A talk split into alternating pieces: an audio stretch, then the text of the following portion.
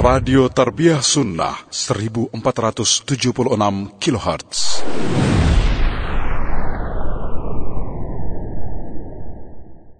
Bismillahirrahmanirrahim. Assalamualaikum warahmatullahi wabarakatuh. Alhamdulillahilladzi anzala sakinata fi qulubil mu'minin ليزدادوا إيمانا مع إيمانهم. ولله جنود السماوات والأرض وكان الله عليما حكيما. وأشهد أن لا إله إلا الله وحده لا شريك له إقرارا به وتوحيدا. وأشهد أن محمدا عبده ورسوله صلى الله عليه وعلى آله وأصحابه وسلم تسليما مزيدا وبعد Hadirin jamaah Masjid Agung Al-Ukhuwah yang Allah muliakan, para pendengar Radio Roja Cilengsi, Roja Palembang, Roja Lampung, Roja Berau, Roja Pontianak, Roja Tanjung Pinang, Roja Surabaya, juga pendengar Radio Al-Bayan di Cianjur, pendengar Radio Tarbiyah Sunnah Bandung, radio dan TV RBK di Kebumen, radio Satu Lombok, radio Suara Kolbu Jayapura, radio Amuba di Pangkal Pinang, radio Hidayah di Pekanbaru. Juga pemirsa TV Roja dan TV-TV lain di mana saja Anda berada, juga para netizen di mana saja Anda berada. Alhamdulillah kembali kita berjumpa. Melanjutkan kajian tentang Tauhid. Jumat yang lalu kita sudah membahas salah satu sikap yang bertolak belakang dengan Tauhid yaitu istihza kepada Allah. Mengolok-olok Allah Azza wa Jalla ataupun ajarannya atau mengolok Al-Quran, mengolok-olok Rasul Sallallahu Alaihi Wasallam dan sunnahnya, itu sikap yang bertolak belakang dengan tauhid dan merusak tauhid. Salah satu di antara perbuatan yang juga bisa merusak tauhid adalah lubsul halaqah wal khayt wa nahwihima biqasdil raf'il bala au daf'ihi. Salah satu perbuatan yang merusak tauhid adalah mengenakan gelang atau benang atau yang sejenisnya di tangan dengan maksud dengan tujuan untuk mencegah terjadinya musibah, bala, penyakit atau untuk menyembuhkan penyakit tersebut. Ini termasuk di antara perbuatan jahiliyah. Melakukannya merupakan perbuatan syirik kecil dan bisa terangkat sampai kepada syirik besar tergantung kepada sejauh mana keyakinan orang yang memakainya terhadap benda tersebut. Bisa syirik kecil, tapi juga bisa syirik besar. Pernah di zaman Rasul Shallallahu Alaihi Wasallam, Imran bin Husain radhiyallahu an menceritakan anna Alaihi wa alihi wasallam ra'a rajulan fi yadihi fi yadihi halqatun min sufar. Faqal ma hadha? Qal min al-wahina faqal inza'ha fa innaha la taziduka illa wahna. Fa innaka law mitta wa hiya 'alaik ma aflahta abadan Rawahu Ahmad bisanadin la ba'sa bihi wa sahahu Ibnu Hibban wal Hakim wa aqarrahu Dhahabi. Kata Imran bin Husain, Rasulullah sallallahu alaihi wasallam melihat seseorang Di tangannya itu ada gelang yang terbuat dari kuningan, dari logam. Kemudian beliau bertanya, ini apa? Dia menjawab, ini pencegah setiap hal yang menghinakan. Agar tetap mulia. Pencegah adanya penyakit, pencegah adanya mara bahaya, kemadaratan, itu maksud orang itu memakai gelang di tangannya. Apa kata Nabi wassalam? Cabut dia, copot dia, karena hal itu tidak menambah apa pun bagi kamu, kecuali hanya menambahkan kehinaan bukan mencegah kehinaan, tapi justru menambah kehinaan. Gak hina gimana? Orang yang hidup mulia berakal, bersandar kepada benda mati yang dia bikin sendiri. Mestinya yang dibikin, yang berkhidmat kepada yang membuat. Ini malah yang membuat, yang berkhidmat, menyandarkan diri, tawakal, percaya, kepada benda yang dibuatnya. Lalu Nabi SAW bersabda, فَإِنَّكَ لَوْ مِتَّ وَهِيَ عَلَيْكَ مَا أَفْلَحْتَ abadan. Seandainya kamu mati dalam keadaan si gelang itu masih ada di tanganmu, kamu tidak akan pernah berbahagia selama-lamanya. Hadis ini diriwayatkan oleh Imam Ahmad dalam kitab musnadnya dengan sanad yang labak sabihi. Sanadnya nggak ada celah, nggak ada cacat, nggak ada kekurangan. Disahihkan oleh Imam Ibn Hibban, juga oleh Imam Al-Hakim, dan Imam Al-Zahabi menyetujui pensahihan Al-Hakim tentang hal ini yang menunjukkan terlarangnya seseorang memakai jimat dalam bentuk ada gelang yang dia pakai di tangannya dengan maksud, dengan tujuan, dengan niat gelang ini bisa mencegah dari penyakit atau bisa menyembuhkan penyakit tanpa ada hubungan sebab akibat antara gelang itu dengan penyakitnya. Tidak ada alasan ilmiah yang menjelaskan hal itu. Tapi murni berdasarkan keyakinan. Ini punya khasiat, ini punya uh, kesaktian, ini punya faidah untuk menolak penyakit, menyembuhkan penyakit yang ada dan yang sejenisnya. Kata Nabi SAW, itu hanya menambah kehinaan.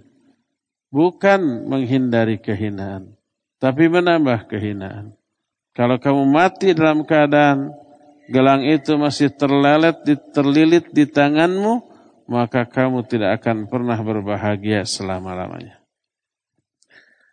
Termasuk mengaitkan sesuatu yang kemudian digantungkan di leher dan diniatkan diyakini sebagai pencegah dari musibah. Apa pun musibahnya, penyakit, atau kecelakaan atau niat jahat, usaha jahat orang. Kalau ada benda yang terlilit di lehernya, digantungkan di lehernya, baik itu berupa umpamanya uh, binatang-binatang laut berupa kerang, berupa umpamanya tahu kewuk ya, kewuk, atau apa saja yang kemudian digantung. Kadang-kadang siung atau taring dari binatang laut, anjing laut, singa laut, atau yang sejenisnya. Kemudian digantungkan di lehernya. Itu disebut dengan sebutan tamimah, jamaknya tamaim, dan kadang-kadang yang dililitkan itu adalah ayat Al-Quran yang dituliskan di atas secari kertas. Dililitkan, diplastikin, kemudian dikasih benang atau tali, kemudian digantungkan di mana? Di leher. Itu biasanya dipakaikan kepada anak-anak kecil. Kadang-kadang digantungkan juga kepada apa? Kepada leher binatang. Agar binatang itu tidak terkena penyakit. Agar anak itu juga tidak terkena penyakit. Kalau yang digantungkan itu selain Al-Quran, maka seluruh ulama sepakat tentang keharamannya. Karena adanya dalil nas yang sorih, yang jelas dan tegas dari Rasul Sallallahu Alaihi Wasallam yang seperti itu. Baik fungsinya mencegah dari kemadaratan atau untuk menarik atau menebar daya pesona kepada orang lain. Baik orang lain itu seluruh manusia tanpa pengecualian menggantungkan benda itu agar atasan sayang kepada kita. Agar guru sayang kepada kita, dosen sayang. Mau salah, mau benar, jawaban kita dibenerin terus. Mau salah, mau benar ketika ujian dikasih A terus. Dikasih nilai tertinggi terus. Atau memikat lawan jenis. Bahasa kitanya apa? Asihan atau pelet bukan pelet pelet para belauk bukan. Tapi pelet untuk memikat hati lawan jenis agar jatuh cinta setengah mati kepada dia. Bahkan kalau perlu 100% mati cinta mati. Itu termasuk di antara jenis-jenis tamimah. Kalau benda-benda lain disepakati keharamannya Adapun kalau yang digantungkan itu adalah Al-Quranul Karim. Ditulis dalam secari kertas. Atau kalau sekarang di print. Atau malah lembaran mushaf Al-Quran disobek. Satu lembar digulung-gulung, dibungkus dengan plastik biar tidak terkena air digantungkan. Dengan maksud mencegah dari sihir. Dengan maksud mencegah dari penyakit maka ulama dalam hal ini ikhtilaf. Ada yang membolehkan ada yang tidak membolehkan. Tapi warrajih adamu jawazihi. Pendapat yang kuat tidak boleh. Karena apa? Pertama syaddan lidzari'ah. Saddan lidzari'ah itu maknanya menutup pintu-pintu keburukan karena itu kalau kalau itu dibolehkan nanti meremet dibolehkannya juga menggantungkan hal lain selain ayat Al-Qur'an. Itu pertama.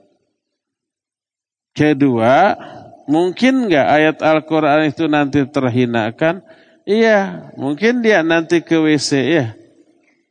Kemudian tidak dicopot. Ketiganya, karena tidak ada penghususan dari Nabi Shallallahu Alaihi Wasallam tentang bolehnya hal itu. Tidak ada pengecualian menggantungkan benda apa pun tetap terlarang. Sebagaimana hadis yang diterima dari Abdullah bin Mas'ud radhiyallahu an. Dia berkata, "Sami'tu Rasul sallallahu alaihi wa alihi wasallam yaqul, "Innar ruqa wat tamaim wat tiwalah syirkun." Sesungguhnya ruqa. Ruqanya bukan rumah toko. Tapi jampe-jampe. Jampe-jampenya bukan diambil dari Al-Quran. Jampe-jampenya adalah diambil dari bahasa jin yang tidak terfahami. Dalam bahasa Sunda ada yang disebut dengan apa? Jangjawokan. Bahasanya tidak difahami. Tapi itu bangsa bahasa jin. Nah, itu disebut mantra bahasa kita. Jampe-jampe, tapi bukan diambil dari Al-Quran. Bukan diambil dari hadis yang sahih. Kata Nabi SAW, sungguhnya jampe-jampe dan tamaim, jimat-jimat, watiwalah. Tiwalah ini pelet. Tiwalah ini asihan untuk memelet orang. Baik memelet lawan jenis seseorang mau ditembak tapi nolak terus, ah sudah dipelet saja. Dengan ritual tertentu, mantra tertentu, benda tertentu. Atau memelet orang pada umumnya, buka rumah makan, gak peduli enak atau tidak, yang penting laku. Kemudian dia pergi ke dukun. Akhirnya banyak konsumen kedatang ke sana memakai bantuan jin atas perantara dukun yang tadi dimintai pertolongannya. Itu termasuk bagian dari tiwalah. Kata Nabi SAW, sungguhnya jampe-jampe, jimat dan asihan syirik. Hadis ini riwayat Imam Ahmad dalam kitab musnadnya, musnadnya dan juga Imam Abu Daud dalam kitab sunannya. Hadis lain dari Uqbah bin Amir radhiyallahu an secara marfu' berkata Nabi alaihi salatu wasallam man 'allaqa tamimatan faqad asyraka. Siapa orang yang menggantungkan jimat apa pun bentuknya, terbuat dari apa pun dia, maka itu syirik. Dan ini umum, tidak ada pengecualian dari Nabi Shallallahu Alaihi Wasallam. Beliau tidak mengecualian kecuali dari tulisan ayat Al-Quran umpama, maka tidak. Ini umum, apa pun yang digantungkannya, maka itu adalah tamimah, itu adalah jimat, dan tidak boleh diyakini, tidak boleh dilakukan. Tidak boleh seorang pun menggantungkan hal tersebut. Hal lain yang juga bertolak belakang dengan tauhid adalah at-tabarruk bil asjar wal ahjar wal athar wal banayat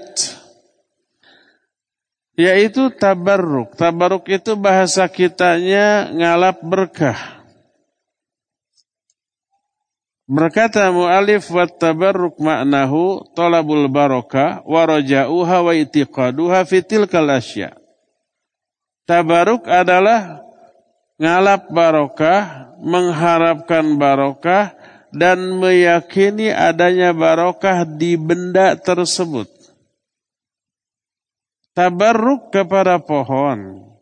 Tabarruk kepada batu-batu. Tabarruk kepada bekas-bekas peninggalan orang-orang zaman dahulu. Termasuk tabarruk kepada kuburan siapa pun kuburan tersebut. Berkata Syekh Al-Fauzan, wa hukmuhu annahu syirkun akbar. Hukum Bertabaruk kepada benda-benda tadi hukumnya syirik besar. Kenapa? Li'annahu ta'allukun ala ghairillahi subhanahu wa ta'ala fi husulil barakah. Karena perbuatan itu berarti mengaitkan diri kepada selain Allah dalam meraih barokah. Wa ubadul authan Innama kanu yatlubun al-barakah minha. Dulu para penyembah berhala menyembah patung-patung. Patung itu visualisasi dari orang-orang soleh terdahulu. Orang soleh masa hidupnya jadi panutan, masa hidupnya jadi ikutan orang, terus mati, kemudian orang mendambakan, merindukan kehadiran orang soleh tersebut, diingat-ingat, lama-lama dibikin patungnya. Tidak untuk disembah. Lama-lama disembah dalam rangka tabarruk. Mengalap barokah dari patungnya orang soleh. Seperti Lata, seperti Uzza, seperti Manat, seperti Hubal, dan yang lain-lainnya. Dulu dalam rangka ngalap barokah. Termasuk fattabarruk bi kuburis solihin kattabarruk billata.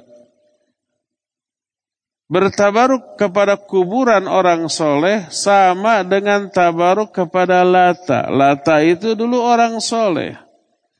Dikubur, kuburannya dijadikan tempat ibadah. Dengan niat apa? Tabarruk kepada orang soleh yang dikuburkan di sana dalam rangka supaya lebih mendekatkan diri kepada Allah melalui orang soleh ini dengan sedekat-dekatnya. Makanya pas ditegur mereka berkata la na'buduhu illa liyuqarribuna ilallahi zulfa. Kami tidaklah menyembah, beribadah kepada kuburan ini. Kecuali untuk lebih mendekatkan diri kami kepada Allah dengan sedekat-dekatnya. Itulah dalih orang-orang musyrikin saat itu ketika diberi apa? Diberikan peringatan tentang tidak bolehnya hal itu. Jadi tabaruk kepada kuburan orang soleh sama dengan tabaruk kepada lata. Karena lata juga kuburan orang soleh. Tabaruk kepada pohon batu sama dengan tabaruk kepada uzza dan manat. Dan juga hubal. Hubal berupa pohon. Ya. Sebuah hadis dari Abu Waqid al-Laythi radhiyallahu an. Dia berkata, خرجنا مع رسول الله صلى الله عليه وسلم إلى هنين. ونحن حدثاء عهد بكفر. وللمشركين سدرة يأكفون عندها وينوتون بها أسلحتهم. يقال لها ذات أنوت. قال فمررنا بسدرة. فقلنا يا رسول الله اجعل لنا ذات أنوت كما لهم ذات أنوت. Kata Abu Waqid Al-Laythi, kami keluar bersama-sama Rasul sallallahu alaihi wasallam menuju Hunain. Ini ketika sudah selesai menata kota Mekah setelah kota Mekah ditaklukkan. Mekah kemudian menjadi kota yang menjadi milik kaum muslimin. Seluruh pemeluknya Islam. Orang yang baru masuk Islam ikut ke Madinah bersama Nabi Shallallahu Alaihi Wasallam. Mereka mu'allaf baru masuk Islam. Kata Abu Waqid Al-Laythi kami keluar menuju Hunain. Dan saat itu wa nahnu hudatsau ahdin bi kufr. Kami baru saja lepas dari kekafiran. Baru masuk Islam sebagai muallaf. Walil musyrikin sidratun ya'kufuna indaha wa yanutuna biha aslihatahum orang-orang musyrik ketika itu memiliki sebatang kayu. Biasanya namanya sidrah, batang kayu bidara. Mereka suka beribadah, suka apa? Berdiri di depan eh, kayu itu dan menggantungkan senjata-senjata mereka di kayu itu. Kalau sudah digantungkan di sana, ini senjata tuh jadi pusaka senjatanya itu jadi bertuah menjadi sakti mandraguna. Kadang-kadang diyakini bisa bergerak sendiri dan yang sejenisnya. Yang itu disebut dengan sebutan Dhatu Anwapo. Jadi sejenis kayu yang diyakini ada barokah. Senjata yang digantungkan jadi bertuah. Maka kata Abu Waqid Al-Laythi kami melewati salah satu batang kayu sidrah tadi. Lalu berkata, wahai Rasulullah, ij'al lana dhata anwat kama lahum dhatu anwat. Jadikan, buatkan bagi kami dhatu anwat. Satu aja. Sebagaimana mereka juga punya tuh dhatu anwat. Apa respon dari Nabi alaihi salatu? Allahu Akbar. Innaha as-sanan. Qultum walladhi nafsi biyadih kama qalat banu Israel li Musa ij'al lana ilahan kama lahum alihah. Qal innakum qaumun tajhalun. Kata Nabi SAW, Allahu Akbar. Hal tersebut demi Allah, demi Allah yang jiwa Muhammad sallallahu wasallam ada berada dalam genggaman tangannya. Kalian telah berkata kepadaku seperti perkataan Nabi eh, Bani Israel kepada Musa, Ij'al lana ilahan kamalahum aliyah. Buatkan bagi kami patung sesembahan. Satu aja, ilahan. Kamalahum aliyah sebagaimana mereka juga punya banyak sesembahan. Kita mah satu aja. Minta dhatu anwat sama dengan minta patung sesembahan. Syirik apa tidak? Syirik. Maka kata Nabi Shallallahu Alaihi Allahu Akbar. Kalian telah berkata kepadaku seperti perkataan umat Musa kepada Musa, buatkan bagi kami patung sesembahan. Sebagaimana mereka punya beberapa patung sembahan. Qal innakum qaumun tajhalun. Kata Nabi Musa, kalian dasar kaum yang bodoh. Kebodohanlah yang mendorong mereka terjerumus ke dalam keyakinan syirik, minta patung sesembahan. Jadi meminta Zatu Anwat untuk tabarruk. Ngalap barokah dari kayu tersebut. Agar senjata yang digantungkan di sana menjadi bertuah. Itu sama dengan meminta patung sesembahan. Lalu berkata Nabi SAW, Latarkabunna sunana mangkana qablakum. Kalian pasti akan mengikuti sunnah kebiasaan orang-orang sebelum kalian. Shibran bi shibrin, sejengkal demi sejengkal. Sampai apabila mereka itu masuk ke dalam lubang bayawak di saya kalian akan akan mengikutinya. Berdasarkan hal itulah maka bertabaruk kepada benda yang di benda itu tidak ada keterangan dari Allah dan Rasulnya bahwa itu mengandung barokah, lalu kita yakini sebagai sesuatu yang mengandung barokah, maka itu merupakan penyimpangan dari masalah tauhid. Apa yang tidak dijelaskan mengandung barokah jangan diyakini sebagai sesuatu yang mengandung barokah. Baik itu benda, waktu, ataupun tempat, ataupun orang. Ya ada keterangan dari Allah dan Rasulnya beberapa poin tertentu mengandung barokah. Ya ada. Seperti contohnya tempat. Apa saja yang mengandung barokah ya masjid-masjid. Di sana ada banyak barokah. Kalau dipakai ibadah ya. Waktu contohnya Lailatul Qadar, contohnya bulan Ramadan, malam harinya. Ya, Contohnya seluruh perbuatan amal soleh itu mengandung barokah. Kalau orang contohnya seluruh tubuh Nabi SAW itu mengandung barokah. Sampai air wudhu bekas Nabi SAW pun diperebutkan. Keringatnya pun diperebutkan. Kemudian rambutnya pun disimpan oleh para sahabat. Walaupun orang yang sudah meninggal. Atas sepengetahuan Nabi SAW dan beliau tidak melarangnya. Jadi tabarruk kepada pohon contohnya dulu sudah ada. Para sahabat yang baru saja masuk Islam meminta tabarruk kepada Zatu Anwat. Lalu dilarang karena itu sama dengan meminta patung sesembahan karena itu adalah syirik. Termasuk hal penting yang bertolak belakang dengan tauhid dan bisa merusak tauhid adalah sihir. Sihir ini sesuatu yang real, nyata. Diterangkan oleh Quran, dijelaskan oleh hadis. Ada cara menangkalnya dalam Quran ataupun dalam hadis. Realita yang kita lihat juga ada banyak kejadian kasus sihir. Mengingkarinya adalah sesuatu yang terlalu dipaksa-paksakan, terlalu menyimpan akal di atas realita dan nas Al-Quran dan hadis. Apa makna sihir? Wahwa ibaratun amma khafiya walatufa sababuhu. Sihir itu adalah sesuatu yang sebabnya amat sangat samar dan halus.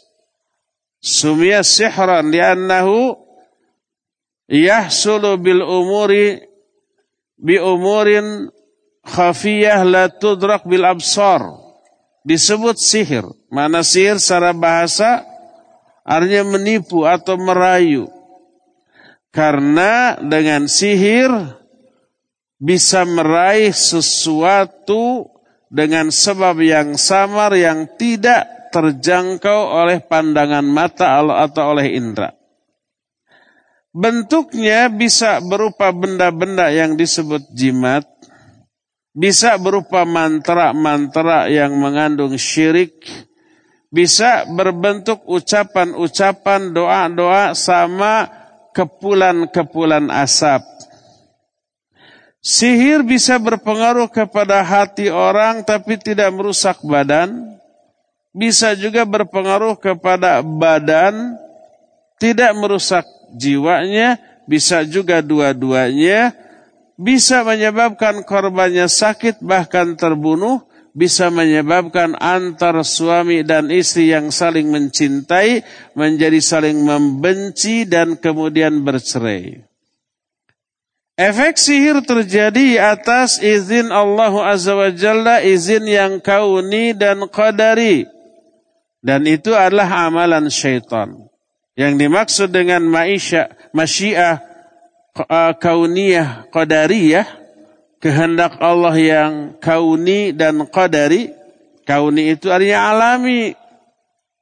Qadari itu artinya yang memang sudah ditakdirkan oleh Allah Azza wa Jalla siapa pun orangnya, baik soleh atau salah, laki atau perempuan, ahli ibadah atau yang abai terhadap ibadah, bisa disakiti nggak orang itu? Bisa. Disakiti oleh orang, oleh sesama manusia. Disakiti oleh benda. Seorang nabi kalau dilukai dengan pedang, berdarah apa tidak? berdarah. Terluka apa tidak? Terluka. Sakit apa tidak? Sakit. Siapa pun pelakunya, orang atau umpamai binatang, kalau digigit binatang yang suka menggigit, ya sakit. Dan ini tidak ada hubungannya dengan kemaksuman Nabi Shallallahu Alaihi Wasallam. Masa Nabi kan maksum, tapi dilukai oleh pedang berdarah. Tidak ada hubungan antara maksum dengan aspek kemanusiaan beliau sebagai nabi, sebagai manusia biasa. Qul innama ana basyarum mithlukum. Katakan oleh Muhammad, aku itu manusia biasa seperti kalian. Jadi kalau beliau lupa, lupa. Orang-orang suka lupa, beliau lupa. Orang kalau tidak makan lapar, beliau juga begitu. Suka nggak Nabi kelaparan? Iya. Suka nggak Nabi sakit hati? Iya. Suka nggak Nabi bersedih? Iya. Ketika anaknya Ibrahim meninggal, beliau menangis. Suka nggak beliau berdarah ketika perang? Iya. Ketika perang Uhud, beliau berdarah sampai empat gigi depannya tanggal. Tidak ada hubungan dengan kemaksuman, termasuk bila yang menyakiti, mengganggunya ini adalah seorang jin, bukan seorang sejin. Karena bukan orang. Setan dari bangsa jin. Orang bisa melukai Nabi SAW? Iya. Jin bisa melukai Nabi SAW? Iya. Itu sesuatu yang manusiawi. Salah satunya melalui media sihir. Makanya hadis riwayat Imam Bukhari dalam kitab sahihnya ya Nabi SAW pernah terkena sihir. Dan ini tidak ada kaitannya dengan kemaksuman beliau. Kemaksuman beliau hanya dalam perkara yang berkaitan dengan penyampaian risalah, penyampaian dakwah. Itu beliau nggak salah dalam hal itu. Nah jadi disebutkan wahwa amalun syaitaniyun. Ini adalah amalan setan. Wa kathiru minhu la yutawassalu ilaihi ila bisyirk. Wa taqarrub ilal arwahil khabithah bisyai'in mimma tuhib.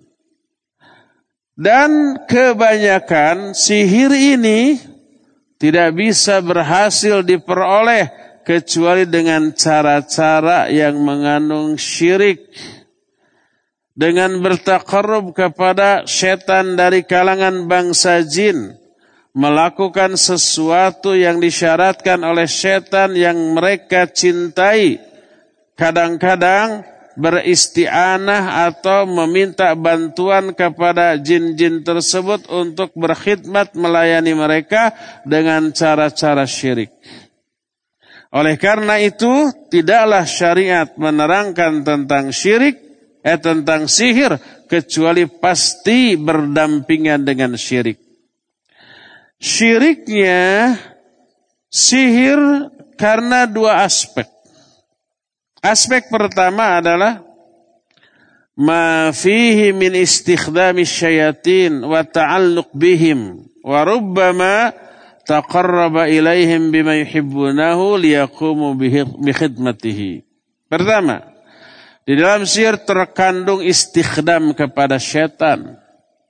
Istikhdam itu meminta bantuan, meminta pelayanan dari setan dari kalangan bangsa jin dan bersandar kepada mereka, manut kepada mereka, melaksanakan seluruh syarat yang mereka tetapkan.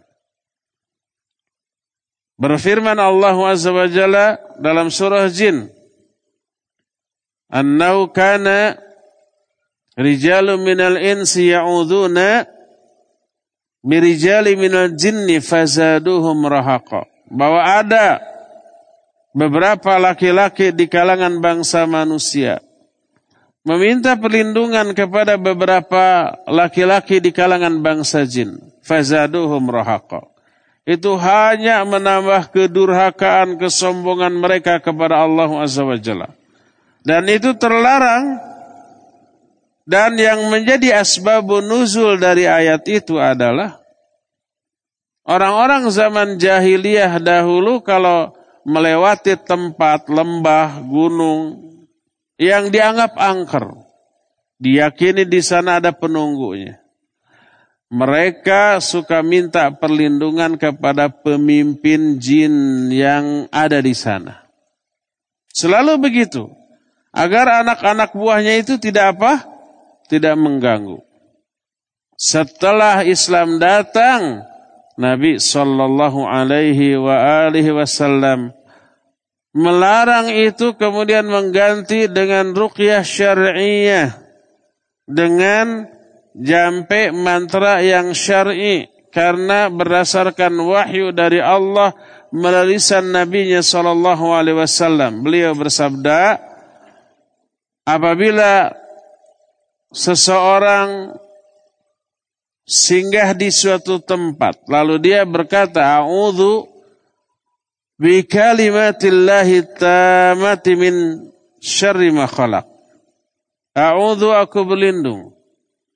Berlindungnya bukan kepada zat Allah tapi bi kalimatillahi tamah berlindung kepada kalimat-kalimat Allah yang maha sempurna Kalimat Allah bagian dari sifat Allah.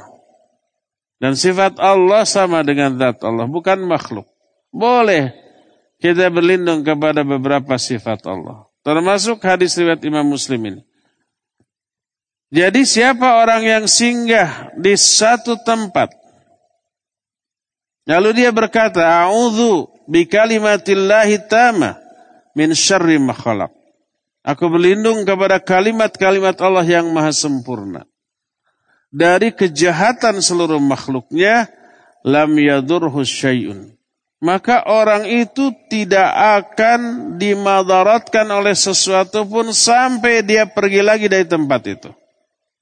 Ikhwan, akhwat kalau singgah di suatu tempat, nginep di tempat itu atau istirahat beberapa saat, beberapa jam, dan dikhawatirkan di sana ada gangguan, baca kalimat tadi, doa tadi. A'udzu bi kalimatillahi tamati min syarri ma khalaq. Berkata Imam Al-Qurtubi rahimahullah, hadis ini sahih baik di royah ataupun riwayah. Sahih riwayatnya maknanya sanadnya sahih. Di royahnya sahih atau benar maknanya isi kandungannya benar. Bahwa orang yang meminta perlindungan kepada Allah dari seluruh kejahatan makhluknya. A'udzu bi kalimatillahi tamati min syarri ma Itu tidak akan dimadaratkan oleh sesuatu pun. Lalu beliau menceritakan satu pengalaman. Ke mana pun aku pergi dan di mana pun aku singgah atau sekedar lihat, aku baca ini dan tidak pernah ada kejadian apa pun. Suatu saat aku singgah di suatu tempat, tiba-tiba aku digigit oleh binatang berbisa. Maka aku pun ingat bahwa tadi ketika masuk ke tempat itu aku lupa untuk berdoa a'udzu bikalimatillahi tamati min syarri ma Lupa, akhirnya gawawak wa digegel. Di apa? Disengat atau digigit oleh binatang berbisa, ya. Jadi pertama di dalam sihir ada permintaan bantuan kepada bangsa jin. Dan ini syirik. Seringkali si jinnya itu menetapkan syarat yang menyebabkan orang itu murtad dari ajaran Islam. Syaratnya itu dengan menginjak mushaf Al-Quran umpamanya. Atau syaratnya itu dengan menyatakan tulis ayat Al-Quran selembar, dua lembar atau seluruhnya masukkan ke dalam WC. Dan itu bisa membuat pelakunya kufur karena menghinakan kalamullah azza wa jalla. Ini alasan yang pertama kenapa sihir itu dihukumi syirik. Kedua, ma fihi min da'wa ilmil ghaib wa da'wa musyarakati lillahi fi dhalika wa hadha kufrun wa dhalalun.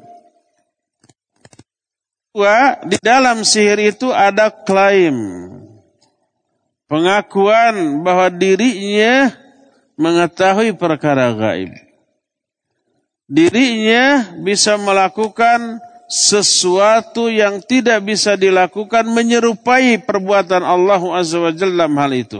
Dan ini i'tikad yang kufur dan sesat. Makanya ketika Allah menurunkan dua malaikat dengan tugas mengajarkan sihir. Siapa dua malaikat ini? Harut dan Marut diturunkan oleh Allah Azza wa Jalla ke muka bumi. Dengan satu tugas, ajarkan sihir sebagai ujian bagi manusia. Tapi setiap manusia yang datang untuk belajar sihir wajib diingatkan. Innama nahnu fitnatun fala takfur. Kami ini hanya ujian bagi kalian. Jangan kalian kufur dengan mempelajari sihir ini. Selalu begitu. Itu tugas dari Allah Azza wa Jalla. Apakah Harut dan Marut itu durhaka karena mengajarkan sihir yang syirik dan kufur? Tidak, karena diperintahkan oleh Allah Subhanahu wa taala. Setiap yang datang ingatkan, innama nahnu fitnah fala takfur wala takfur. Kami hanya fitnah. Jangan kamu kufur dengan belajar sir. Tapi kalau ada orang ngeyel, kekeh, ingin belajar sir, ajarkan dengan konsekuensi yang sudah diterangkan. Maka tugas Allah bagi malaikat Harut dan Marut ini disebut dengan tugas jabali. Bukan tugas syar'i. Dan banyak malaikat dengan semua malaikat melaksanakan tugas jabali dan bukan tugas syar'i. Ada malaikat yang ditugaskan ruku, terus sujud, terus doa, terus zikir, terus. Itu jabali. Mana jabali memang mereka diciptakan untuk itu, diberikan kemampuan untuk itu, tidak diberikan keinginan untuk menolak, tidak diberikan kemampuan untuk menolak. Tidak diberi keterbatasan fisik. Kalau kita sujud 10 menit begitu ya. Apa yang terjadi? Singsiremen, kesemutan, gak bisa bangun karena terbatasnya kemampuan fisik kita. Kalau malaikat sejak diciptakan sampai kiamat sujud terus nggak akan singsiremen, nggak akan cangkel, nggak akan pegel, nggak akan baal, nggak akan mati rasa. Mereka diberi kemampuan itu, tidak diberi kendala, tidak diberi keinginan untuk menolak, dan tidak diberi kemampuan untuk menolak. Beda dengan kita, kita diperintah. Tapi diberi keinginan untuk menolak, kemampuan untuk menolak. Maka banyak manusia-manusia yang menolak perintah Allah Azza wa Jalla. Maka siapa yang menunaikannya berarti dia sudah melalui perjuangan hebat melawan hawa nafsunya untuk menolak melawan kelemahan dirinya untuk melaksanakan perintah itu tetap dia melaksanakan perintah itu maka diberi pahala Kalau enggak, dosa. Kalau malaikat ibadahnya tidak dipahalai. Dan kalau tidak menurut, tidak dianggap berdosa karena tidak akan tidak menurut. Tidak akan tidak menurutnya berarti selalu nurut. La ya'sunallaha ma amarahum wa yaf'aluna ma yumarun. Malaikat nggak pernah sekejap pun maksiat kepada Allah. Dan selalu melaksanakan apa yang diperintahkan oleh Allah SWT. Tidak ada malaikat yang durhaka. Termasuk di kalangan malaikat ada yang memproses tubuh kita bila kita mau melakukan sesuatu. Jangan dikira kita begini saya mengangkat tangan itu murni hasil ikhtiar saya. Enggak, ini digerakkan oleh malaikat atas perintah Allah Azza wa Jalla. Saya ingin berbuat begini di, diproses oleh malaikat. Saya ingin berbuat begitu diproses oleh malaikat. Semuanya begitu. Termasuk bila orang mau berdosa atau mau bermaksiat. Orang mau sujud ke patung. Syirik apa tidak? Syirik. Dia ingin begitu. Keyakinannya yang rusak menyebabkan dia begitu. Diproses tidak oleh malaikatnya? Diproses. Tidak mentang-mentang ini mau syirik nih. Biarkan ajeg saja. Enggak. Tetap dia bisa sujud kepada patung. Tetap dia bisa melakukan ibadah kepada patung. Diproses oleh malaikat. Itu tugas jabali mereka. Apakah malaikatnya berdosa karena ta'awun alal ithmi wal udwan? Enggak, karena itulah tugasnya.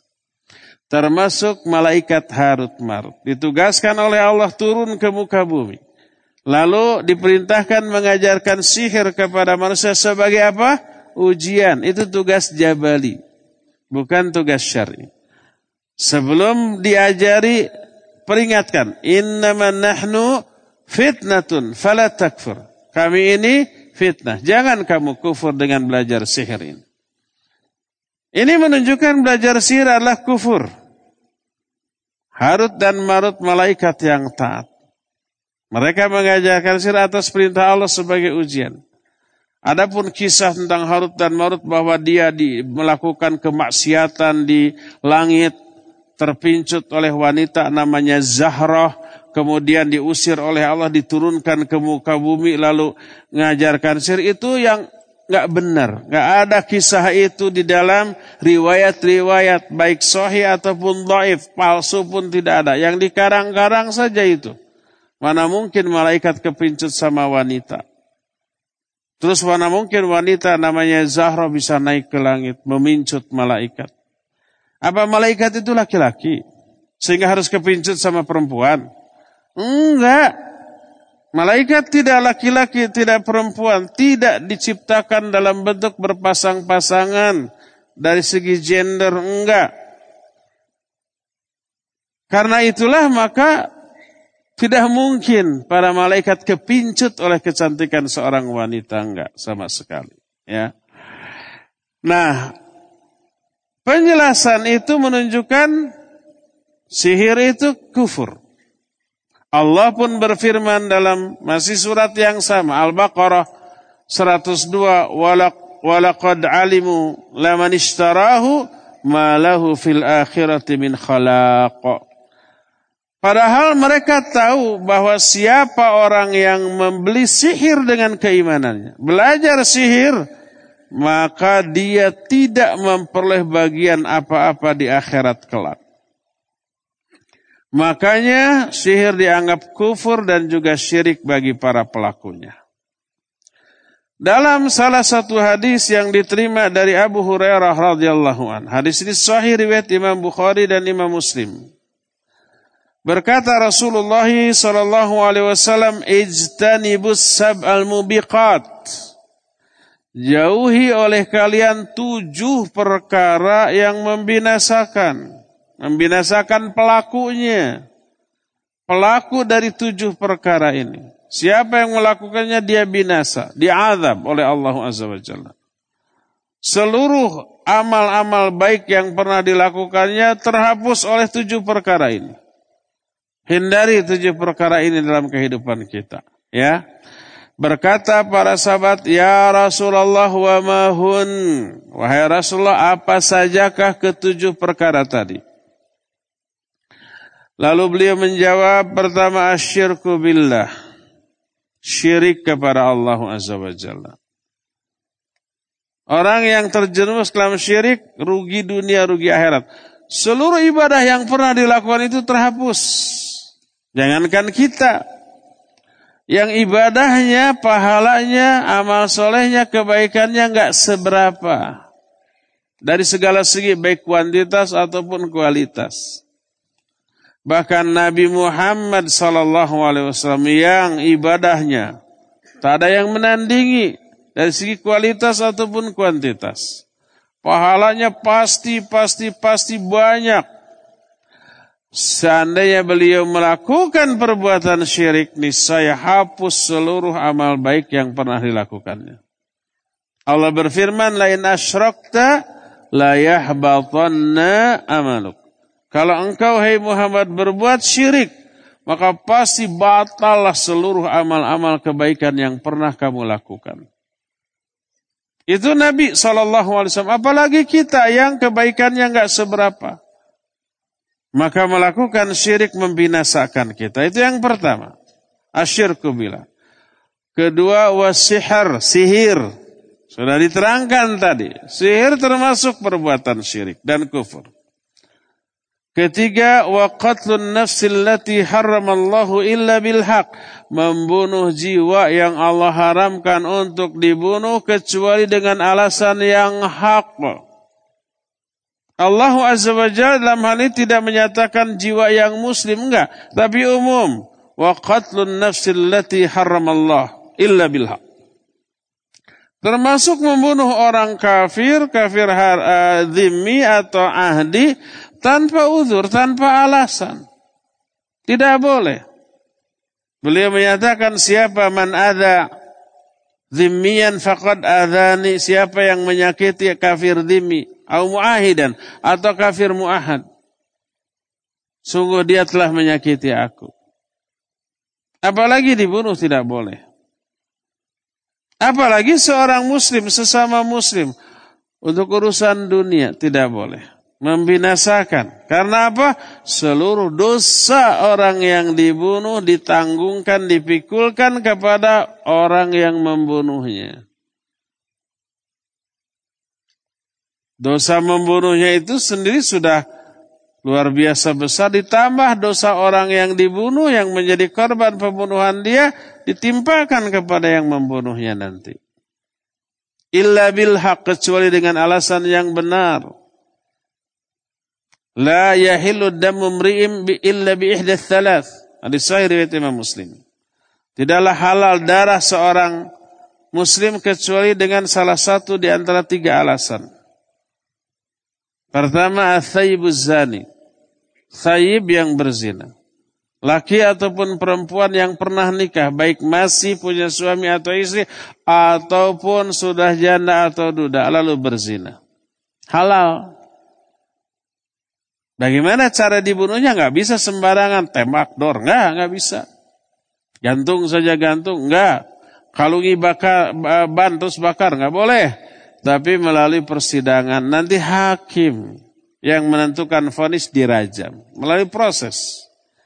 Nggak boleh kita umpah cross country ke gunung, tiba-tiba ada ilalang bergoyang, kemudian dilihat ada yang berjah, langsung rajam di sana nggak boleh. Ini bukan wewenang kita, tapi wewenang siapa? Hakim. Ini yang pertama, athaibu zani. Kedua, awan nafsu bin nafsi, jiwa dengan jiwa, qisas. Keluarga kita dibunuh, boleh si pembunuhnya kita bunuh lagi melalui proses persidangan. Nanti hakim yang menentukan vonisnya.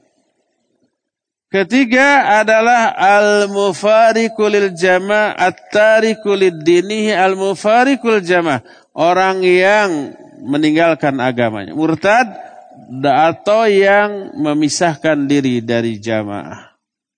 Yang dimaksud memisahkan diri dari jamaah bukan jamaah sempalan.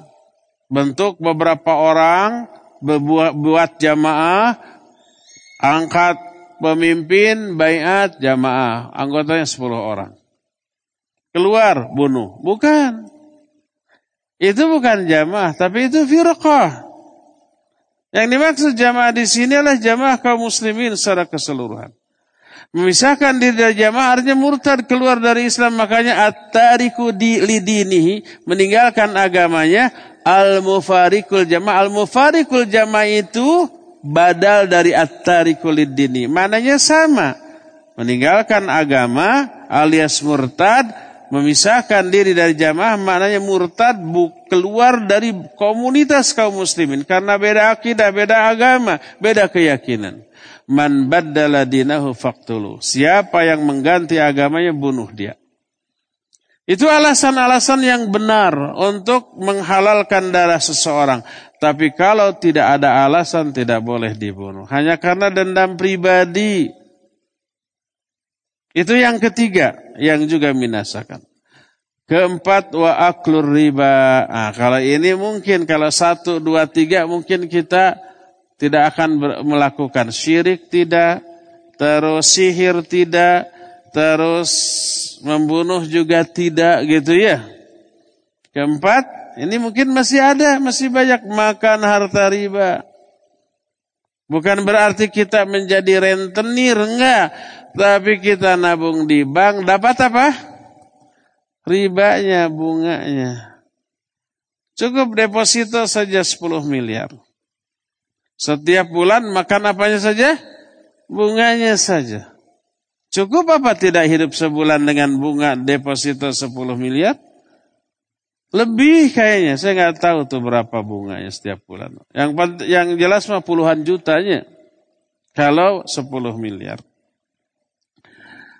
Kelimanya wa aklu malil yatim, memakan harta anak-anak yatim. Keenamnya wa tawalla yauma zuhaf, berpaling kabur dari medan perang. Nggak boleh kabur dari medan perang. Dosa besar. Allah Azza wa Jalla berfirman, "Ya ayyuhalladzina amanu, idza laqitumul ladzina kafaru zahfan fala tuwalluhumul adbar." Hei orang-orang yang beriman, kalau kamu sudah berhadap-hadapan dengan musuh di medan perang, fala tuwalluhumul adbar. Jangan kamu lari kabur ke belakang, kalau lari dari medan perang enggak boleh. Ini Al-Qur'an.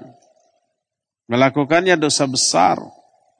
Lalu Allah Rasul Sallallahu Alaihi menyatakan di antara tujuh perkara yang binasakanlah lari dari medan perang. Ketujuh wa qadful muhsanatil ghafilatil mu'minat menuduh orang-orang mukmin yang baik-baik.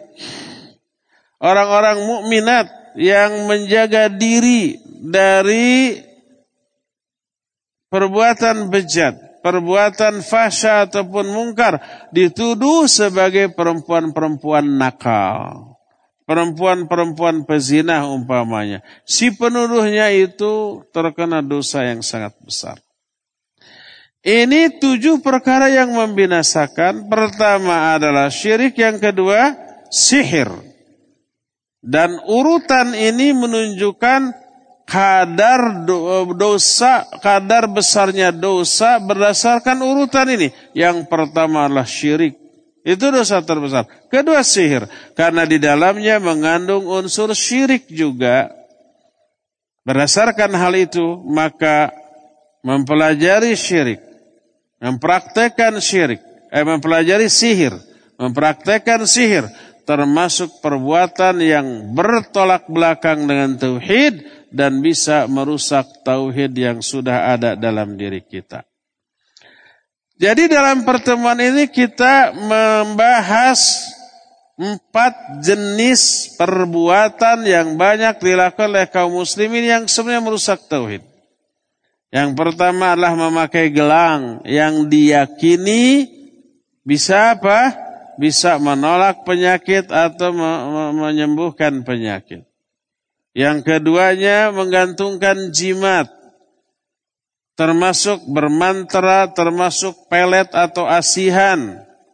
Yang ketiganya tabarruk kepada benda-benda tertentu yang Allah dan Rasulnya tidak menetapkan adanya barokah dalam hal itu. Kecuali kalau ada keterangan benda itu mengandung barokah, silakan. Seperti contohnya zam-zam, ya itu mengandung barokah. Kata Nabi SAW, Ma'u zamzam lima syuribalahu. Bahwa air zam-zam itu berhasiat sesuai dengan niat ketika meminumnya. Ketika minum, niatkan dengan niat-niat yang baik, lalu minumlah. Jangan lupa basmalahnya. Jangan lupa memakai tangan kanannya. Itunya yang wajib. Basmalah wajib, tangan kanan wajib. Berdoa nama sunnah. Jangan sampai saking ingin doanya, lupa dua hal ini. Ya tidak bismillah, ya pakai tangan kiri. Eh, itu mah namanya Morojulang ngalepaskan pesing. Memburu sesuatu yang sunnah tapi meninggalkan sesuatu yang wajib. Salah kaprah. Dia berdosa. Yang sunnahnya pahalanya tak sebesar yang wajib di, dilakukan. Yang wajibnya yang pahalanya besar dan dosa bila ditinggalkan malah ditinggalkan. Ya.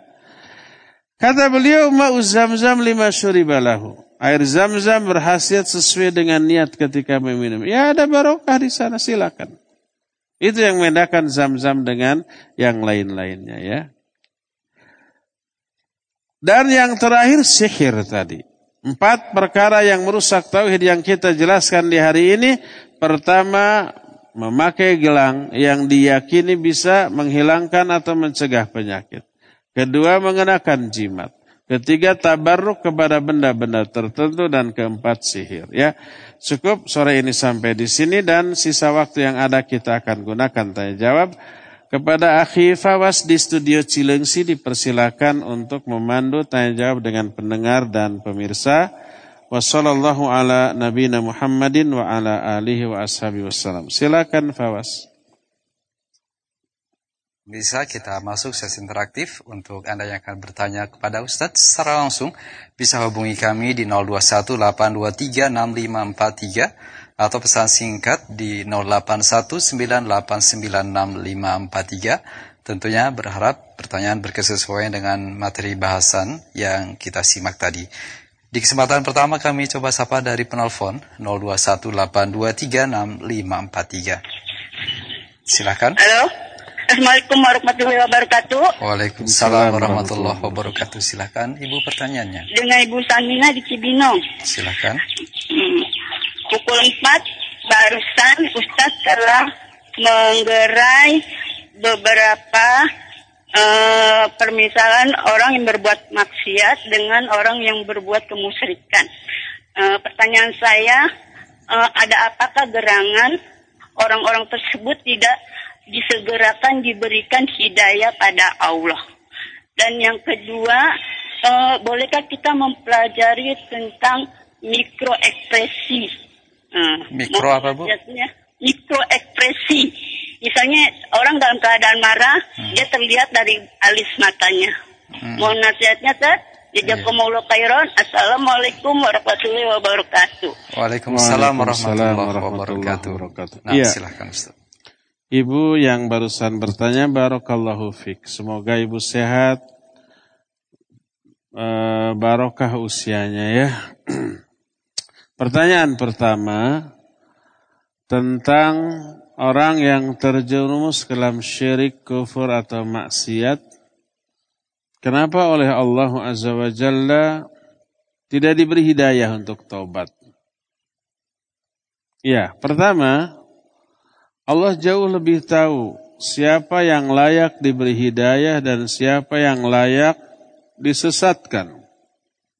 Allah berfirman, Inna rabbaka huwa a'lamu biman dhalla an sabilih wa huwa a'lamu biman ihtada. Dalam ayat lain, wa huwa a'lamu bil muhtadin. Allah lebih tahu siapa orang yang layak dibiarkan sesat dan siapa yang layak diberikan hidayah. Allah lebih tahu alasannya ya. Lalu Allah merinci dalam banyak ayat juga dalam banyak hadis siapa saja orang-orang yang layak diberi hidayah dan siapa yang tidak layak. Yang layak diberi hidayah adalah Orang-orang yang banyak melakukan kebaikan, ibadah dan amal soleh. Seluruh ibadah, kebaikan, amal soleh itu mengundang turunnya hidayah Allah. Dalam Al-Quran Allah banyak menerangkan contoh. Allah berfirman, wa qulu qawlan sadida. Yuslih lakum a'malakum wa yakfir lakum dhunubakum. Ucapkan oleh kalian ucapan-ucapan yang baik. Maka Allah akan mensolehkan amal-amal kamu. Berkata Imam Ibn Kathir rahimahullah ketika menerangkan ayat ini, ay yuafiqum lil a'malis solihah. Allah akan beri hidayah, taufik kepada uh, kamu untuk melakukan amal soleh. Untuk mensolehkan amal-amal kamu. Ayat ini menjelaskan hidayah Allah turun karena orang itu berbuat sesuatu yang baik berupa berkata yang baik. Wa qulu qawlan sadida. Perkataan yang baik qawlan sadida itu bisa membaca Al-Quran, bisa berzikir, bisa belajar ilmu, mengajarkan ilmu, bisa juga berdakwah beramar ma'ruf nahi munkar dengan cara yang benar, ya, cara yang ma'ruf. Itu semua qaulan sadida. Itu mengundang turunnya hidayah Allah. Allah menyatakan yuslih lakum a'malakum. Allah akan mensolehkan amal-amal kalian. Maknanya Allah akan memberikan hidayah kepada kalian untuk beramal soleh. Ini salah satu ayat. Hidayah turun karena balasan atas perbuatan baik orang itu sebelumnya. Hadis riwayat Bukhari dan Muslim berkata Nabi Shallallahu Alaihi Wasallam alaikum bisidqi fa inna sidqa yahdi ilal birri wal birra yahdi ilal jannah. Kata Nabi SAW, wajib kalian berbuat jujur. Karena kejujuran itu yahdi. Yahdi itu memberi hidayah. Menuntun pelakunya kepada perbuatan bir Bir ini ada dua maknanya, sebagaimana diterangkan oleh Syekh Al-Utsaimin. Pertama, bir itu adalah berbuat kebaikan. Kedua, bir bisa berarti terlepas dari sebuah kebiasaan dosa. Kata Rasul sallallahu alaihi wasallam, wajib kalian uh, jujur Kejujuran itu bisa menuntun pelakunya kepada perbuatan baik. Ini menunjukkan, mengisyaratkan makna menunjukkan kepada perbuatan baik, kejujuran mengundang turunnya hidayah Allah untuk berbuat baik setelah ke, melakukan kejujuran tadi. Diberi hidayah. Sebaliknya, jadi intinya kalau hidayah Allah turun karena balasan atas kebaikan baik orang itu sebelumnya, gitulah. Sebaliknya, Allah membalas orang-orang yang berdosa dengan dan maksiat dengan cara dicabutnya hidayah itu dari diri dia. Hidayah yang sudah ada sebelumnya Allah cabut karena dia bermaksiat. Berkata Rasulullah SAW sebagai lanjutan dari hadis yang barusan, wa iyyakum wal kadhiba fa innal kadhiba yahdi ilal fujur wal fujura yahdi ilan nar. Jauhi oleh kalian dusta. Karena dusta itu menyeret pelakunya kepada fujur. Fujur ini ada dua maknanya. Pertama adalah al-wuku' fil ma'asi. Terjerumus ke dalam maksiat. Yang kedua al-khuruj minat ta'ah. Keluar dari ketaatan. Sebelum dia berdusta, dia nggak berani melakukan dosa ini, ini, ini. Nggak berani. Kegedean itu dosanya. Eh setelah dia berdosa tiba-tiba kok nekat berani melakukan dosa-dosa yang sebelumnya tidak berani dia lakukan. Sebelum dia berdusta, dia biasa memelihara tahajud, saum Senin Kamis, baca Al-Quran, dan yang lain-lainnya. Eh setelah berdusta, tiba-tiba berat untuk melakukan semua itu. Akhirnya ditinggalkan. Itu khuruj anit ta'ah, keluar dari ketaatan. Berdusta menyebabkan tercabutnya hidayah Allah dari diri orang tersebut. Dan berdusta menyebabkan terdorongnya orang itu untuk melakukan dosa dan maksiat dalam bentuk selain dusta, dalam bentuk yang lainnya. Walhasil, kenapa Allah Azza wa Jalla memberi hidayah kepada seorang? Selain karena rahmat dan kasih sayangnya, juga pasti ada sebab. Siapa yang layak diberi hidayah dan siapa yang layak dibiarkan sesat, Allah lebih tahu dan semua sikap Allah itu, penetapan Allah itu didasarkan kepada sikap adil dan hikmahnya. Pasti adil. Allah mengetahui lahir batinnya setiap orang. Kalau kita kan hanya mengetahui lahiriah seseorang. Allah mengetahui orang itu setiap saat, setiap detik tanpa henti. Kalau kita kan mengetahui orang hanya ketika ketemu, ketika ngobrol, ketika kita berinteraksi. Di luar itu kita tidak tahu. Maka Allah lebih tahu siapa yang layak diberi hidayah dan siapa yang tidak. Cuma Allah menerangkan salah satu penyebab orang itu tidak diberi hidayah, termasuk tidak diberi hidayah untuk tobat. Mungkin orang tersebut masih memiliki etikad syirik, etikad kufur, keyakinan bidah, dan keinginan untuk bermaksiat yang menggebu-gebu dan sedikit kebaikan-kebaikan yang dia lakukan kecenderungannya kepada keburukan lebih besar daripada kepada kebaikan, orang seperti itu tidak akan diberi hidayah oleh Allah Azza wa Jalla. Wallahu a'lam bisawab. Silakan lagi Pak Was.